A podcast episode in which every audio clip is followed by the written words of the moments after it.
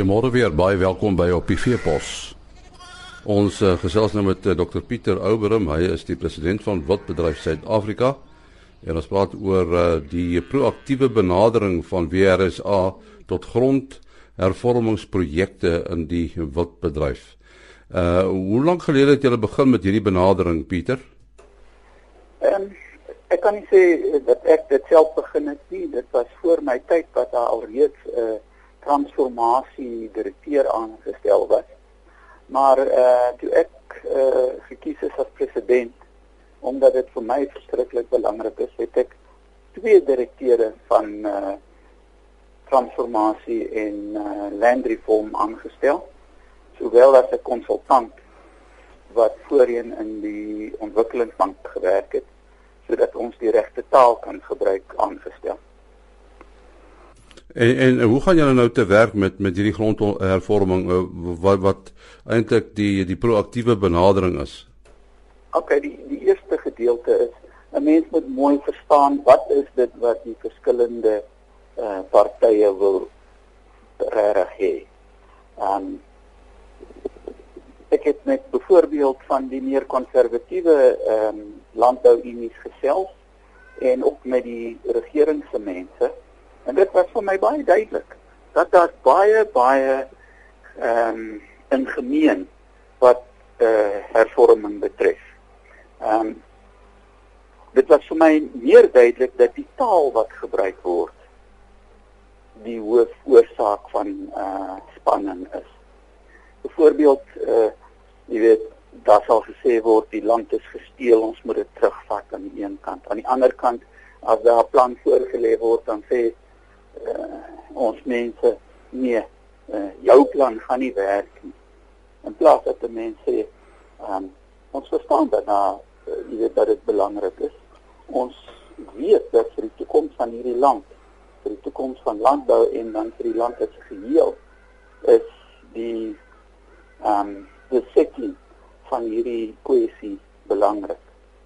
Landbou gaan eers weer floreer en groei as daar sekuriteit is. En daardeur bedoel ek nie meer ehm um, wat is dit dan? Sorry.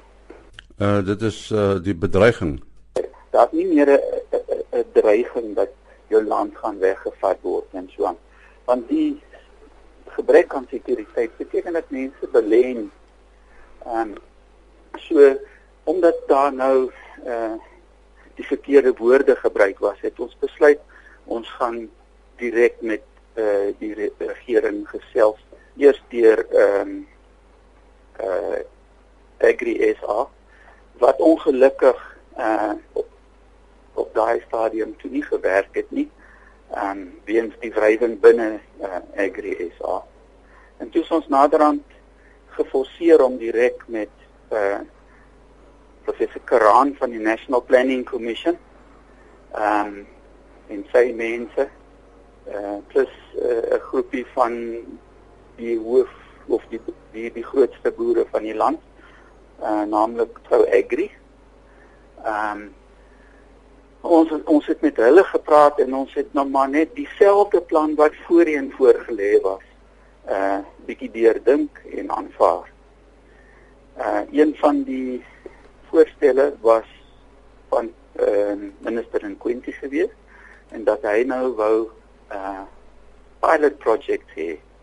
En ons het weggegaan en ons het uh twee projekte geïdentifiseer. Ons het uh, die konsultant wat ons aangestel het gebruik om hulle uh volgens die wyse waarop uh ontwikkelingsbank dit sou doen, dan um, neerskryf en ons het dit toe voorgelê aan uh, minister in Quincy. Hy het toe later 'n hele dag saam met ons deurgebring uh op die twee plase en en dis in Limpopo en ehm um, toe hy nou terugry nadat ons uh alles deurdink het, het hy maar net vir my gesê ehm um, hy kan nie glo dat daar soveel positiwiteit onder die lede van WRSA is teenoor transformasie. Ehm um, wat ek uh vergeet het om vir jou te sê ons mos ons het mos 'n uh, 'n imbizo gehad ehm um, daarna op Bona Bona ehm um, wat deur ons Noordwes of ons Hartland uh, bedryfskamer georganiseer word waarna ehm um, minister in Quinty gekom het. En toe ons daar was, daar was omtrent 500 mense wat opgedaag het. Ehm um, ek neem aan die grootste gedeelte daarvan was hulpboere. Ehm um, toe ons daar was, uh, het hy nog die hele dag vir my net gesê, ek kan nie glo dat die mense so positief is. Ehm um, en eh uh, dis daarvan af dat die storie van die twee uh, projekte uh, gekom het. Hoe werk dit presies? Uh mens praat net van grondhervorming, maar daar's ook seker so iets soos mentorskap. Absoluut. Maar in in die geval uh uh is dit op 'n manier gedoen dat die mentorskap ehm um, van self gebeur want dis 'n plan wat uh, professor Karan en dokter De Jager van Agri SA ontwerp het en dit gaan basies so. Uh ek is 'n wildsboer, ek wil my buurman se plaas koop. Ek het ek, ek, ek, saam met wat later sal wees 'n uh, distrikskomitee sal op die beginstes dis uh ehm uh, besluit en dan gaan ons twee ek en die begunstigdes uh landbank toe. Die landbank sal dan vir my 'n lening gee teen 'n uh, aanvaarbare rentekoers, 'n goeie ene in ons taal. Ehm um, 'n lening gee vir die koop van daai vir 50% van die plaas langsaan en dan sal uh, hulle 'n uh, grant gee vir die begunstigdes. Dit sal beteken dat ons dan 50-50 die pla die nuwe plaas besit en omdat ons nou 50-50 daar is, moet ons 50-50 uh uh, dit bestuur en uh jy sal uh, verstaan dat as ek 'n lening het by die bank vir my 50%, dan gaan ek sorg dat dit werk en daardeur sal die mentorskap ehm um, natuurlik net uh, uitvloei. En 'n so stelsel nou al aan die werk. Ons het nie een wat nou al reeds finaal en goedgekeur is nie. Daar's twee van hulle wat uh die uh projekdokumentasie uh, by direk aan minister Nkwinti gegee is. Hy het dit toe vir sy amptenare gegee. Ehm um, hulle het uh, met ons gepraat en onderhandel nou en ons verwag ek dink volgende week ek hoop uh, 'n oproep om te sê kom na minister Nkwinti se kantoor toe want daai amptenare sal dan vir hom finaal inlig en hopelik sal at least twee van die projekte goedgekeur word.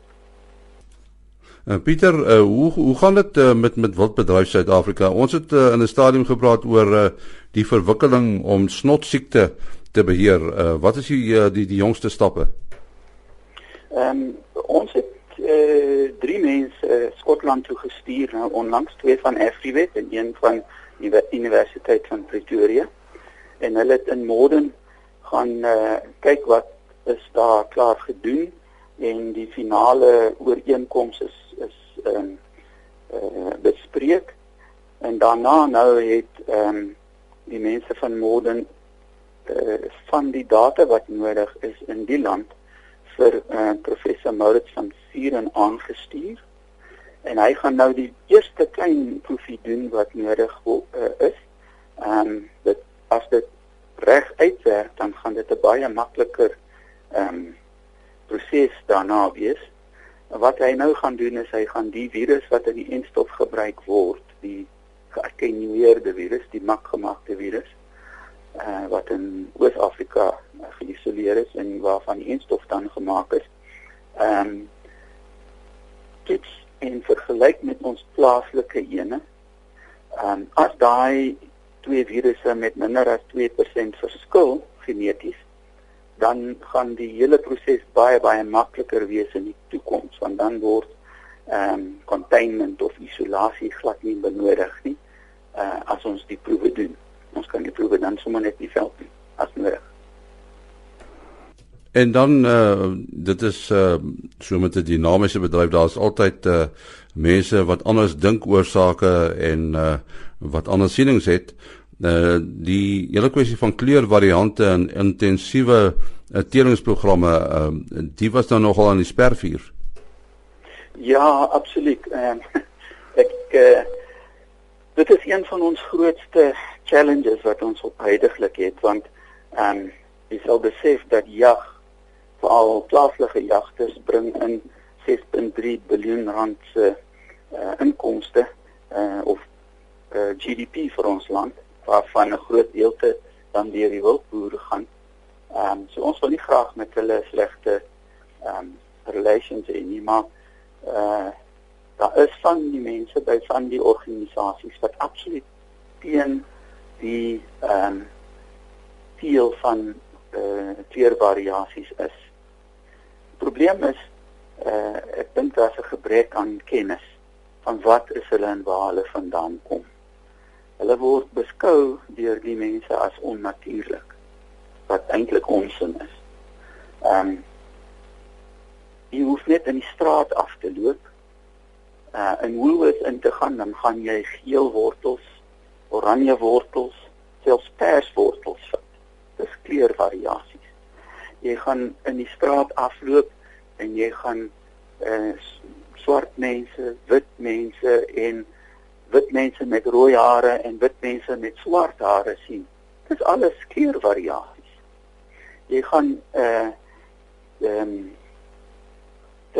jy toe en wat kry jy daar? Wit leeu's wat almal dink wonderlik is. Ons gaan na een van die toe en sy word geprys vir die wonderlike king cheetah wat ook 'n kleurvariasie is.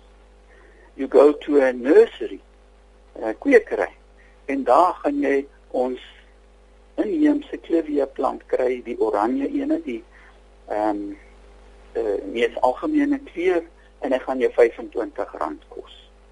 Maar jy gaan 'n gele kry en dit gaan jou R125 kos en die naam van daai variant ehm uh, uh, kleur variant gaan wees Nelson Mandela of Surit.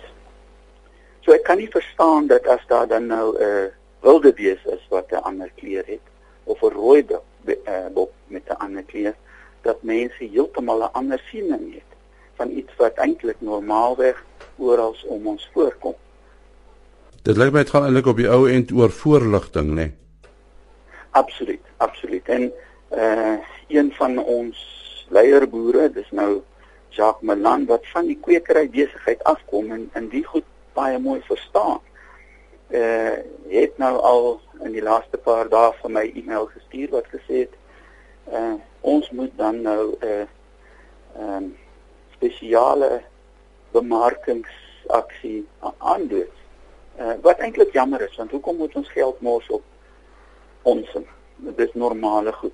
Maar ons sal nou moet. En uh dit kan ons kos maar ten minste hopelik sal mense dan 'n ander idee hê van die waarheid. Want variasie is waarvandaan ons kom. Want as daar nie variasie was nie, was daar nie evolusie, evolusie nie. En as daar nie evolusie was nie, dan was ons seker nou maar nog 'n bakterie of 'n protozoon of iets.